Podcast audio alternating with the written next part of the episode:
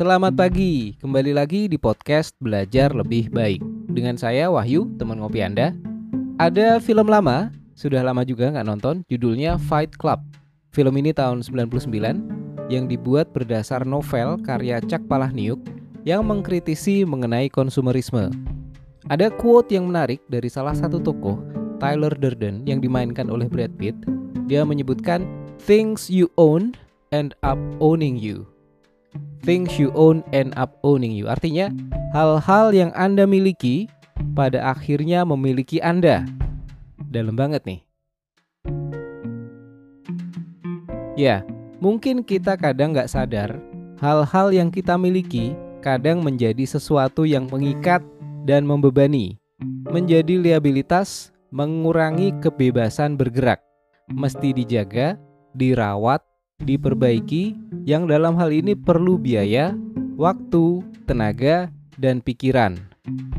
Kita ambil contoh kendaraan, mau roda 2 atau roda 4 kira-kira serupa lah.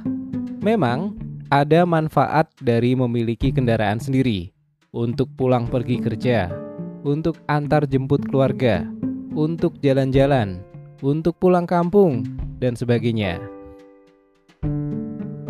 Di sisi lain, ada hal yang perlu juga dipertimbangkan. Ini kendaraan belinya pakai uang dong. Syukur kalau cash, tapi realistis aja deh. Seringnya dibeli dengan cicilan yang berbunga atau dengan jasa yang diangsur tiap bulan, yang menjadi beban kependapatan. Termasuk juga konsekuensi memiliki kendaraan adalah membayar pajak, asuransi, dan menyediakan lokasi parkir. Kemudian, karena khawatir hilang, maka kita pasang GPS. Kita beli kunci ban, kunci setir, atau rantai. Kemudian, karena khawatir baret, kita berhati-hati saat memilih lokasi parkir, perhentian, dan hati itu emosi, panas banget. Kalau sampai nemu ada bekas gesrek. Ya nggak? Terus, tiap beberapa waktu perlu servis berkala. Style ini itu ganti part, perbaikan-perbaikan, dan kalau PPKM seperti kemarin, karena nggak bisa ke mana-mana ya, kita khawatir aki dan mesinnya rusak. Jadi tiap beberapa hari mesti dipanasin. Belum lagi kalau dihitung depresiasinya. Dan masih banyak lagi yang perlu itu tadi.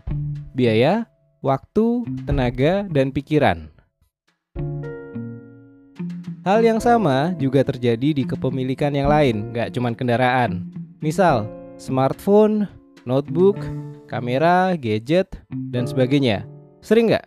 Teman-teman mesti membawa tas berat, penuh sama gadget, karena takut ninggalin di kendaraan di parkiran. Sering nggak?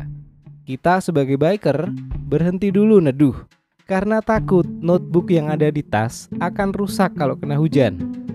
Sering nggak kita panik saat ingat kalau handphone ketinggalan di meja teras depan? Terus lari ke depan tuh, ngambil handphone. Dan masih banyak lagi. Dalam pada kepemilikan itu ada konsekuensi alokasi biaya, waktu, tenaga, dan pikiran. Semakin banyak kepemilikan, maka semakin besar diperlukan empat resource ini. Dan saat ini kita hidup di era konsumerisme. Kita didorong untuk konsum sebanyak mungkin.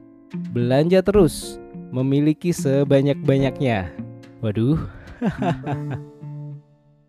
Sebagai reaksi dari konsumerisme ini, belakangan muncul tren yang kontra. Ada minimalism, ada simple living, slow living, decluttering. Mungkin teman-teman pernah dengar yang namanya Marie Kondo ya. Kita nggak akan bahas detailnya di sini, ada banyak. Silahkan dicari referensinya. Simpelnya, hidup sederhana, tetap belanja, tapi seperlunya, tidak berlebihan. Efeknya apa simple living ini? Efeknya adalah lebih tersedia alokasi resource tadi. Tersedia dana, tersedia waktu yang lebih longgar, tenaga masih ada, dan masih banyak kapasitas berpikir. Terus dipakai buat apa? Ya, terserah teman-teman. Bisa dialokasikan untuk keluarga, untuk pasangan, untuk belajar, untuk menambah wawasan, untuk ibadah, untuk kegiatan sosial, dan sebagainya masih banyak lagi. Oke, kebayang ya? Itu saja untuk kali ini. Stay safe, tetap semangat, jangan lupa bahagia. Sampai ketemu di episode berikutnya. Bye.